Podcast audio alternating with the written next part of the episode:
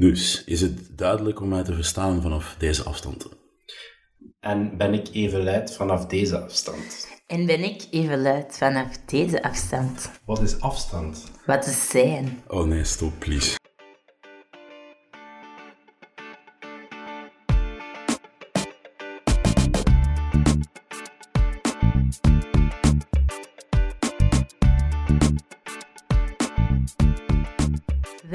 Welkom bij de eerste aflevering van Let's Talk, de podcast. Ik zit hier vandaag met twee gasten, Aaron en Dio. eh, twee jonge mannen die net in het volwassen leven staan. Ehm, Aaron en Dio, ik zou graag hebben dat jullie jullie even voorstellen voor de luisteraars die jullie namelijk nog niet kennen. We gaan beginnen met de jongste, Dio. Eh, neem het woord maar. Ja, dus eh, ik ben eh, Dio, momenteel 23 jaar en ik studeer in Antwerpen. Eh, momenteel zijn mijn hoofdbezigheden dus mijn studies, zoals eerder vermeld. Ik sport ook graag en sinds kort ben ik me ook vaak bezig met podcasting. Ja, Ehm, mijn naam is Aaron. Eh, ik ben 25 jaar oud. Eh, ik eh, werk momenteel als salescoach. Ehm, ik ben ook heel graag bezig met de, de podcasts. En ik heb zo nog een paar andere noemenswaardelijke bezigheden, maar daar gaan we vandaag niet te hard over uitwijken. Eh, mag ik één noemenswaardige bezigheid van jou, Aaron? Eh, basket. Basket. Basket. Ja. En is, dat is iets dat je regelmatig doet nog? Eh, regelmatig niet zozeer. Ik doe het af en toe nog eens, maar ik, eh, ik volg het wel op de voet. Oké, basket met een passie dan. Basket met een passie, mooi gezegd. Zalig. Eh, jullie zijn beide al in contact geweest met Let's Talk. Ja. Ehm, zouden jullie heel kort ehm, jullie ervaring kunnen delen of waar jullie juist in contact zijn gekomen met Let's Talk? Ehm, ik heb het eh, geluk gehad dat ik eh, een van jouw ehm, ja, documentaires heb mogen eh, volgen in een live audience. Allee, live audience documentaire werd gespeeld en achteraf mochten we dan meedoen aan de workshop. Ehm, wat dat ik een enorm unieke ervaring vond, omdat nadat je allemaal mensen hoort spreken over toch wel diepzinnige delen van hun leven, allee, vragen stellen waar dat ze toch even bij moeten slikken hè, voordat ze het antwoord konden geven. Ehm, En dan de workshop die erna kwam, dat je iemand moest kiezen om mee te babbelen die dat je nog niet kende. Ehm, heb ik heel hard gemerkt dat dat dan eh, die ervaring er toch voor zorgde hè, dat ik veel meer begon te delen met mensen die ik, die ik niet kende. Ehm, eh, ik heb er enorm hard van genoten. En zeker een aanrader ehm, voor de luisteraars. Dankjewel, dankjewel. Eh de workshop die je hebt gevolgd ging over mannelijkheid en vrouwelijkheid. Ja, dat klopt. Ja. Let's Talk Women. Is er iets, een korte zin of zo, iets dat je is bijgebleven specifiek over dat thema, dat je zou kunnen delen? Ehm, specifiek is eigenlijk, ehm, er, was, er was iemand die eh, heel erg bezig was over haar afkomst. En hoe dat, dat ehm, een grote invloed had op de stappen die ze heeft kunnen maken ten opzichte van de stappen die dat ze wou maken. Waardoor dat ze zich een beetje terug ehm, gehouden voelde en dat ze het gevoel had dat ze ergens moest gaan inhalen wat ze gemist had. Ja, Ehm, waarom is mij dat bijgebleven? Omdat ik die persoon ook, ook zelf ken en dat dat mij eigenlijk echt wel een inzicht heeft gegeven. En er is jammer dat ik die persoon kende. Ik denk dat het gevoel helemaal anders zou zijn als ik die niet ken. Maar ik denk naarmate dat Let's Talk gaat groeien, dat ik minder en minder mensen ga kennen en meer en meer de real-life eh, feeling ga hebben. ja oké. Eh, Dio, hoe zit dat voor jou? Hoe ben jij in contact gekomen met Let's Talk?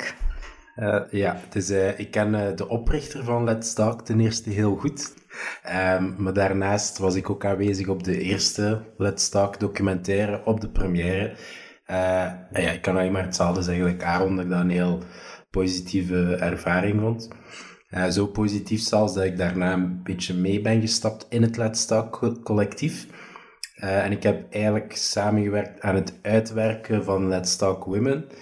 Ehm, Je hebt er zelf ook een deel in eh, opgenomen. Hè? ik, ja, Ja, je komt erin voor, ja. zelfs vergeten, ik heb zelf voor de camera gestaan, ook toen. Hilarisch. Eh, de première georganiseerd, eh, met alle stress die dat met zich meebracht. Eh, en ook iets waar ik heel trots op ben, is dat ik de ondertitels gemaakt heb. Was er, was er geen kleine schrijffout ergens? Eh, nee, Ik dacht, is, dacht van wel. Hè. Ik denk dat de kijkers eens moeten zoeken. daar is geen bewijs van. Maar als jullie een schrijffout vinden, mogen jullie natuurlijk altijd melden. Ja. En waar moeten ze dat juist gaan melden? Ehm, gewoon bij het infopunt. en dat wordt binnenkort gemaakt, waarschijnlijk. Uh, maar goed, oké, super. Jullie hebben jullie al een beetje voorgesteld. Nu, de mensen die het Let's Talk concept volgen, zowel op Instagram en Facebook, hebben een aantal vragen voor jullie. Uh, jullie hebben die vragen nog niet gehoord. Um, dus voor jullie zullen ze ook nieuw zijn. Jammer genoeg niet. Uh, ik ga simpel beginnen, om het voor jullie niet te moeilijk te maken. Um, dus de eerste vraag die gesteld is, is welke ledemaat zou je kunnen missen? ja, Dio. Uh, als ik één leden... Is het een volledig ledemaat? Kan het iets, iets kleins zijn? Kan het een Het mag iets kleins zijn. Mag iets, dat mag je zelf kiezen. Muggenzuster. Ik denk wat ik wel zou kunnen missen, is een oor. Eén oor? Een oorschelp. En welke kant? Ik denk links. Waarom links? Dat is niet mijn beste kant voor de camera. Is niet je beste kant? Nee. Oké. Okay. Uh, Aaron? Een ledemaat dat ik zou kunnen missen... Um, ja, ik ga niet zo leem gaan in een oor nemen, want allee, ik ga voor een voet. Een uh, hele voet? Een, een hele voet, omdat dat is toch een heel ledemaat. Ja. Um, omdat, daar is een goede protheses van. Als ik dan zou kunnen denken, als ik iets kwijt ga, kan ik dat tenminste vervangen. Ja. Dezelfde logica die ik had met het oor. Maar... Ah ja, kunt je een oor vervangen? Dat denk ik wel. Gaan we dat eerst afkappen en dan testen? Oké, okay. dat zijn de boeiende antwoorden. Op naar de volgende vraag. Uh, de tweede vraag die gesteld is geweest door de luisteraars. Wat zou je van jezelf vinden als tienjarig kind die jouzelf nu zou zien? Is die vraag een beetje duidelijk? Dus moest jij als tienjarig kind jouzelf nu kunnen zien, hoe zou je tienjarige zelf uh, over jou denken? Ja, ik zal uh, Aaron de spits laten Allee, gast. Um, goh, ik weet, als, als tienjarige uh, was ik een heel erg een dromer. Um, dus als ik nu zou, zou voor mezelf staan, nu zou ik waarschijnlijk vragen, um, en, en droomt je nog zoveel? Of zijn uw dromen al uitgekomen? Dan, dan zou ik mezelf eerst waarschijnlijk stevig teleurstellen. maar om dan te zeggen dat ik nog altijd een dromer ben, denk ik dat ik uh, mezelf wel uh, trots zou kunnen maken. Ja. En op wat zou je juist trots zijn? Op het feit dat ik nog altijd zo kan dromen. Ja. Ik ben echt een simpele mens. Oké. Okay. En dat was je als tienjarig kind ook al? Ja, ja. niet veranderd. Dus je bent eigenlijk, ja, inderdaad, niet veranderd. Dat is ook mooi, hè? Ja. Allee, toch? Uh, Dio, hoe zit het bij jou? Uh, ik denk, mocht ik als tienjarig kind mezelf nu zien, dat ik zou vragen... En waarom speelt je niet in de NBA? en ja. dan, mijn tweede vraag zou waarschijnlijk zijn... En waarom doe je niet wat beter je best, zodat je toch in de NBA speelt? dus heel erg de basketfanatiek. Ja, toen wel, toen ja. wel. Ja. En uh, is uit iets doorgestroomd, die basketliefhebbendheid? Um, het is eigenlijk allemaal begonnen bij een, uh, een, een, film. Mm -hmm. Ja, die misschien de luisteraars ook wel kennen. is eigenlijk uh, Space Jam. Space Jam. Ja, is een film met Michael Jordan en de Looney Tunes van vroeger. Ja. Uh, ja, waarin dat hij ook als kind zijn passie volgt en uiteindelijk in de NBA terechtkomt. Uh, dus ja, dat was de enigste cassette die wij in huis hadden, dus ik heb die heel vaak gezien. Ja, toen was dat zo, hè? Vroeger ja. keek je naar films twintig keer opnieuw. Ja. Um, Oké, okay, dus je bent geen basketballer geworden, dus je tienjarige zelf is waarschijnlijk diep teleurgesteld. Oké, okay, volgende vraag. Eigenlijk wil ik die vraag wel even terugstellen aan u. Hoe zou jij tegenover je eigen tienjarige staan? Zelf. Um, dat is een goede vraag, Aaron. Hmm. Ja, um, ik, snel opgekomen. Ik denk dat ik um, op vlak van studies uh, wel trots zou zijn op mezelf. Dat ik nog altijd niet heb opgegeven om te blijven studeren. Omdat ik waarschijnlijk als tienjarig kind ook niet meer zo graag aan het studeren was. En uh, ja, ik denk eigenlijk best wel trots, misschien hier en daar, zo van, ah, maar wat heb jij met je haar gedaan of zo, weet je wel. Uh, maar ça va wel. Ik ben dus, best tevreden met mijn leven. Dus je vond het toen al niet leuk om te studeren en toch zijt je 13 jaar blijven doorgaan. Ja. ja dat is wel ja. tegenstrijdig. Het is vrij tegenstrijdig, maar allez, ik ga voor een betere toekomst? Ik vind dat je goed bezig bent, Leonie Applaus. Dankjewel. Oké, volgende vraag. Uh, vraag 3. Deze vraag is gesteld door een persoon die mij heel nauw aan het hart ligt, namelijk mijn kleine zusje Mina. Uh, Mina is 13 jaar en vroeg zich eigenlijk af hoe dat jullie er tegenover staan. Het feit wat voor jullie echt het moeilijkste was om volwassen te worden. Dus als jullie aan Mina een tip zouden kunnen geven, wat is voor jullie het moeilijkste geweest om een volwassen persoon te worden? Maar dat is een moeilijke vraag, hè?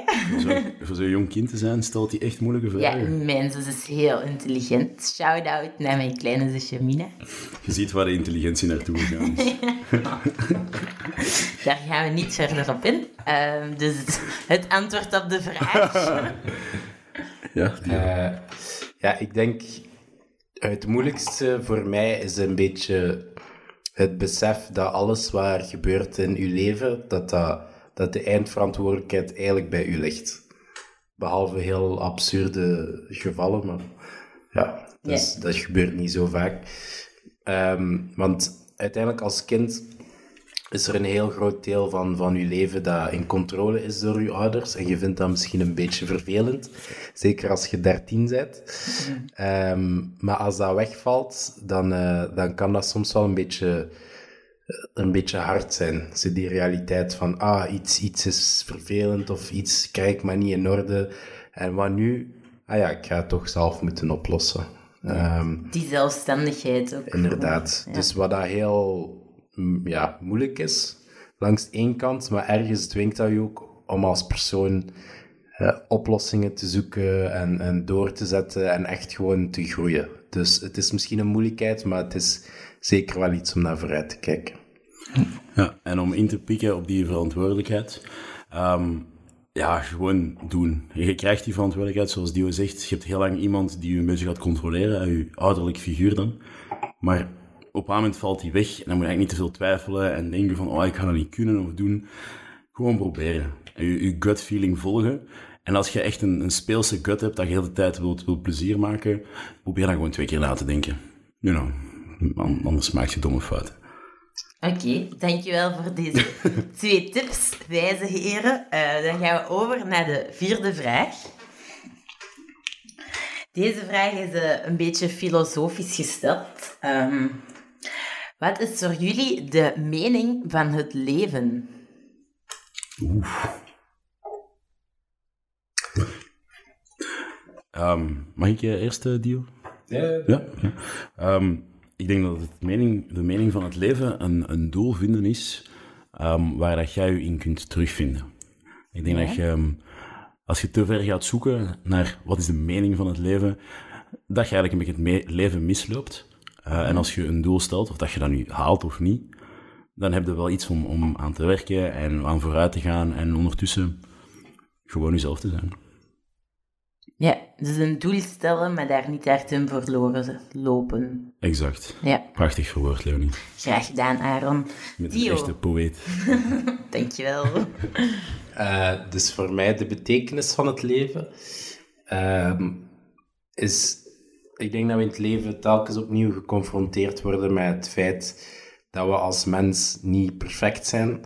En dat, dat we zowel, ook al wisten we dat eerst niet, werkpuntjes hebben Um, en ik denk constant daarmee geconfronteerd worden en zoiets hebben van, weet je wat, ik ga de uitdaging aan en ik ga daaraan werken.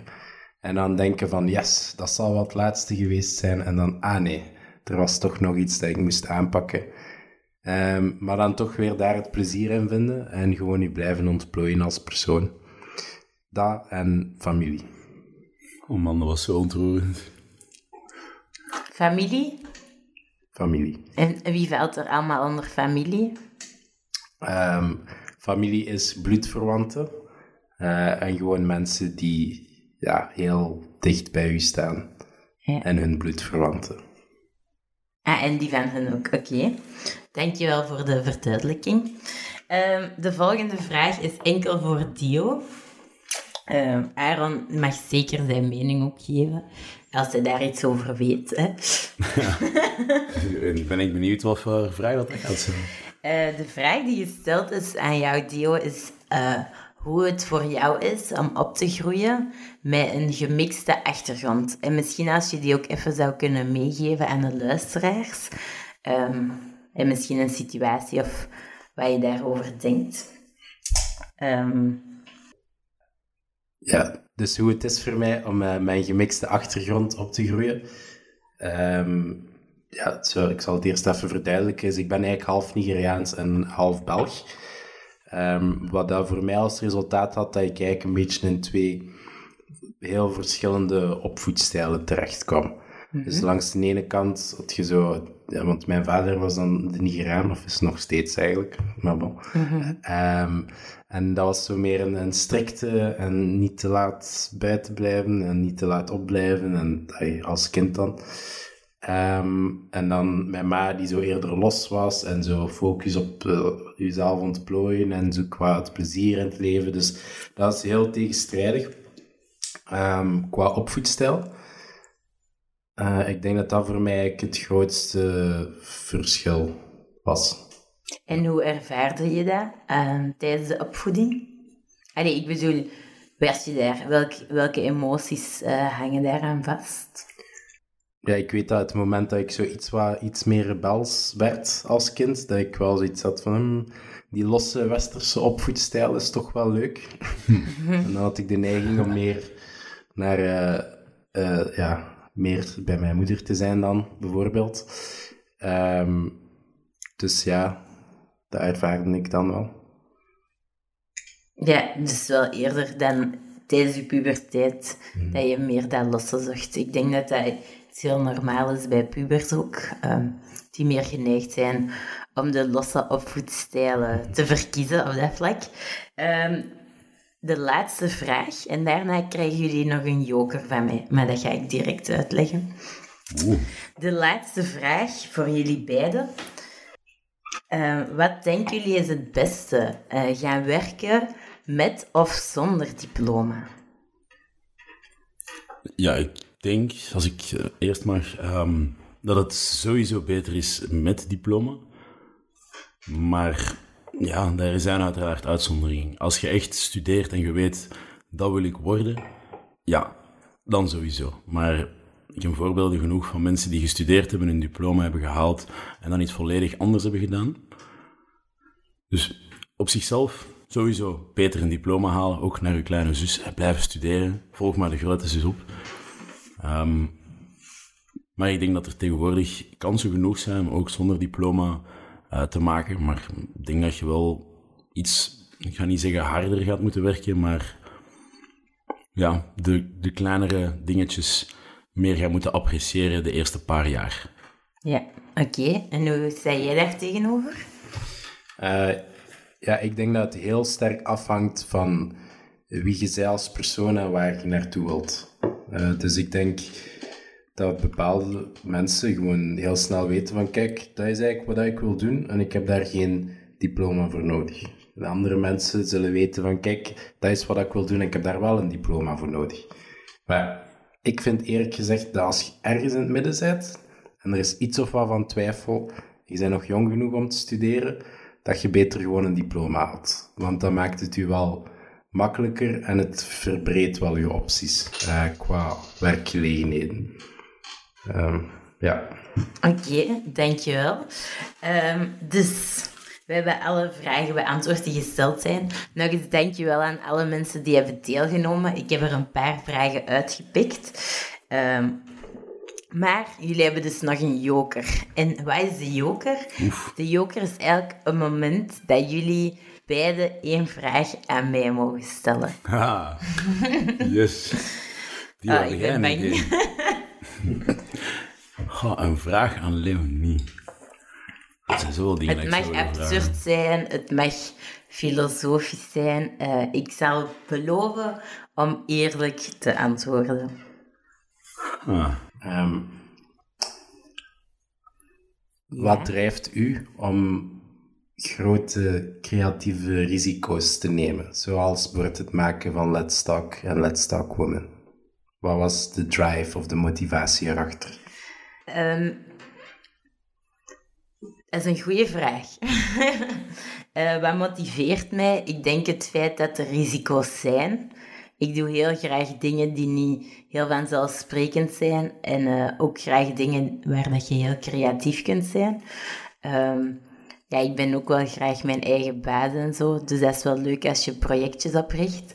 Maar het leukste moment van heel het, allez, heel het proces vind ik eigenlijk altijd het moment dat ik mensen samen kan brengen op één plaats. En dat ik gewoon in een hoekje kan gaan staan en gewoon kan kijken naar al die mensen die ik samen heb gebracht, die ik ken onderling en die ineens in een conversatie zijn met elkaar, die elkaar daarvoor niet kenden en dat ik die kan zien lachen of kan zien dat ze iets emotioneels aan het delen zijn.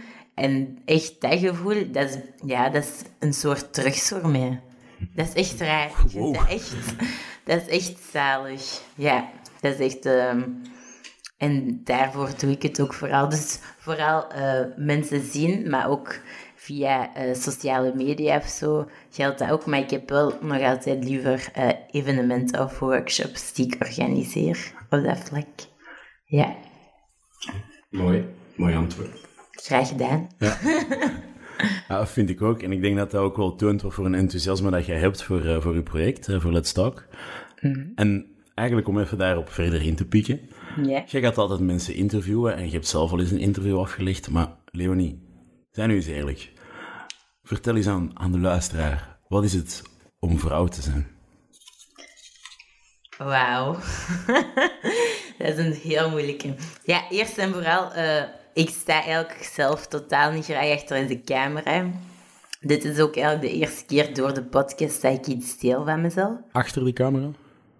Uh, nee, voor de camera. ik sta meestal dus achter de camera. Um, wat is het voor mij om een vrouw te zijn? Ik, ja, dat is heel complex om op te antwoorden. Zeker met, als je kijkt in het nieuws en alles. Dat is een heel goede vraag. Ik schrik gewoon uit mezelf op dat vlak. Ik vind het heel fijn om een vrouw te zijn. Um, ik vind het heel fijn dat ik mij emotioneler meer mag uiten. Omdat ik het gevoel heb dat mannen dat voordeel niet hebben. Leugens. Oké. Um, dus uh, daar ben ik echt heel blij om, omdat ik wel een emotioneel persoon ben. en uh, wat ik wel moeite mee heb, is dat ik mij wel zie als het zwakker geslacht op vlak van sterk zijn. En uh, als ik op straat loop s'nachts, dat ik wel ook voel effectief, ja oké, je bent een vrouw, dus let wel extra op. Um, je bent wel in die risicozone um, op dat vlak. Dus dat is minder fijn. Dus het heeft sowieso twee kanten voor mij. Um, maar ja, ik denk dat als je daar nog iets meer over weet, dan is dat genoeg ik antwoord. Ik denk dat dat duidelijk genoeg is. Dio, heb jij daar nog uh, iets aan toe te voegen? Nee, ik vond het een heel mooi, uh, mooi antwoord. Ja. Ik zou eigenlijk schrik hebben voor de persoon die s'nachts met je probeert te vechten. Ja, ik ben uh, al even voor alle mensen die s'nachts met mij willen vechten. ik ben al redelijk lang thai-box aan het doen. Ik ga ook vier keer in de week sporten. Dus uh, ja, dat is niet zo'n goed idee, zou ik zeggen. maar vechten is niet goed. Oké, okay, mag je... we gaan verder. Dankjewel voor het interview. Um, nu, Aaron en Dio, we zijn hier natuurlijk niet voor niks samengekomen. Ik heb jullie uitgenodigd voor een specifieke reden. Mm -hmm. uh, en die reden is namelijk dat jullie al een paar maanden, ik denk twee of drie maanden nu, ja, een podcast aan het maken zijn zelf. Zou jullie de luisteraar iets daarover kunnen vertellen, wat uh, jullie podcast eigenlijk juist inhoudt? Dio, met je zwoele stem, vertel het. Uh, ja, dus wij, hebben, uh, we zijn eigenlijk een podcast gestart, een beetje geïnspireerd uh, door de documentaires die voor, vorig jaar gemaakt zijn door Let's Talk. Um, we vonden het een heel cool gegeven om gewoon iets creatief te doen en dat wij de wereld in te sturen. en ook om te zien dat je zo die, die, ja, die drempel van een beetje angst of een beetje die durf vond in jezelf om, om, om dat te doen. Uh, dat heeft ons eigenlijk geïnspireerd om zelf een podcast te maken. Uh, dus wat doen wij eigenlijk? Wij zijn al even bezig met het opnemen van een live pod. Ja? Ja, uh, dat is afkorting van live podcast. Nee. nee. Wow. Wat je misschien nog niet door had. um, nu, wat houdt dat in? Het is eigenlijk heel simpel. Uh, het is voor Aaron en ik is het een plaats waar wij als twee maten gewoon kunnen samenkomen en ons amuseren. Uh, maar ook gewoon eens reflecteren over, kijk, waar staan wij in het leven? Wat zijn de moeilijkheden waarmee dat wij zitten? Of wat zijn uh, ja, bepaalde dingen dat wij mee bezig zijn? Hoe zijn we aan het groeien als persoon? En gewoon een beetje dat denkproces en dat plezier is wat wij opnemen. Uh, en dan eigenlijk gewoon met jullie delen. Daar komt het op neer. Ja, ik heb er eigenlijk heel weinig aan toe te voegen. Um, buiten dat, als jij bijvoorbeeld ooit um, bijna of effectief overvallen geweest bent, dan hebben we een hele interessante podcast um, over het feit dat je overvallen kunt worden. Dio heeft het meegemaakt. En we gaan dan ook uh, cijfers er gaan bijhalen en zelf ook een, een voorbeeld uit onze mouw gaan slaan. Uh, mijn favoriete deel van de, de podcast. Als ik dat zelf mag zeggen. Super, dankjewel. Dus het, als ik het goed begrijp, is het een podcast die gaat over jullie leven, de veranderingen, bepaalde struggles, maar dan ook met een beetje uh, theorie, background van bepaalde modellen dat je kunt toepassen om daarmee om te gaan en uh, ervaringen. Klopt dat? Ja, dat klopt volledig. Oké, okay, super. Um, nog één vraag voor jullie twee. Hoe is dat tot nu toe verlopen? Hè, want jullie zijn dus zelf eigenlijk begonnen aan een uh, experiment. Uh, dat is het, hè? Een eigen projectje. Hoe loopt dat tot nu toe? Haalt je er iets uit? Of? Wel, het is eigenlijk al een hele mooie leerschool geweest. Um, de eerste podcast, de eerste paar versies waren eigenlijk whisky-podcasts. Ik denk dat we dan een keer op een avond besproken hadden dat we met whisky dat gingen opnemen. En de eerste was op dat vlak een heel groot succes. Uh, jij zat er toen ook bij. Mm -hmm. um, en dan een tweede, ik denk niet dat we die ooit gaan uitbrengen. Dit was uh, iets te veel whisky um, erbij. Um, Oeps. ja. Yeah. Um, het was heel leuk, heel leuk om op te nemen, maar uh, niet om uit te brengen. Uh, en ja, dat was de eerste leerschool. En dan ook hoe dat je praat in de micro ten opzichte van dat je in het echt praat. Ik denk dat we toch al een, een tiental dingen hebben bijgeleerd van onszelf uh, en van elkaar. Um, dus ja, ik denk dat, zoals Dio daarnet zei, een plaats voor twee maten om te delen. Echt ja, kort en krachtig. Ja, ja. super. Uh, ja, het is een echte bromance, jullie podcast. Uh, ik heb al een paar uh, afleveringen mogen horen en ik ben een enorme fan. Ik vind het heel leuk wat jullie aan het doen zijn, echt waar. Het feit gewoon dat jullie een deeltje van jullie zelf delen met de wereld, plus dan nog allemaal informatie dat mensen gewoon geen idee van hebben en dat ze dat allemaal kunnen leren bij jullie, is fantastisch. Um, ik denk dat we hierbij klaar zijn. Ik ga de luisteraars, dankjewel om te luisteren. uh, ik wil jullie heel erg bedanken. En uh, als jullie nog bepaalde vragen hebben of bepaalde topics die jullie graag zouden willen bespreken in de toekomst, kunnen jullie altijd natuurlijk een berichtje sturen via de Insta of de Facebookpagina. En de podcast van Aaron en Dio komt binnenkort online. Wanneer is dat juist? Wanneer kunnen mensen eigenlijk effectief jullie podcast gaan volgen? Dus de podcast gaat online staan ten laatste op 1 maart. Uh, ik zal het ook zeker delen, um, zodat Dank u, Leo. Die, graag gedaan, die nu luisteren ook zeker kunnen doorgewonnen worden naar jullie podcast. Dankjewel om hier aanwezig te zijn. Ik vond het heel leuk. Ik heb zeker veel wijsheden met jullie oude mannen opgedaan. Wow. en ik wens jullie nog een heel fijne avond toe. Doei doei, dankjewel om te luisteren.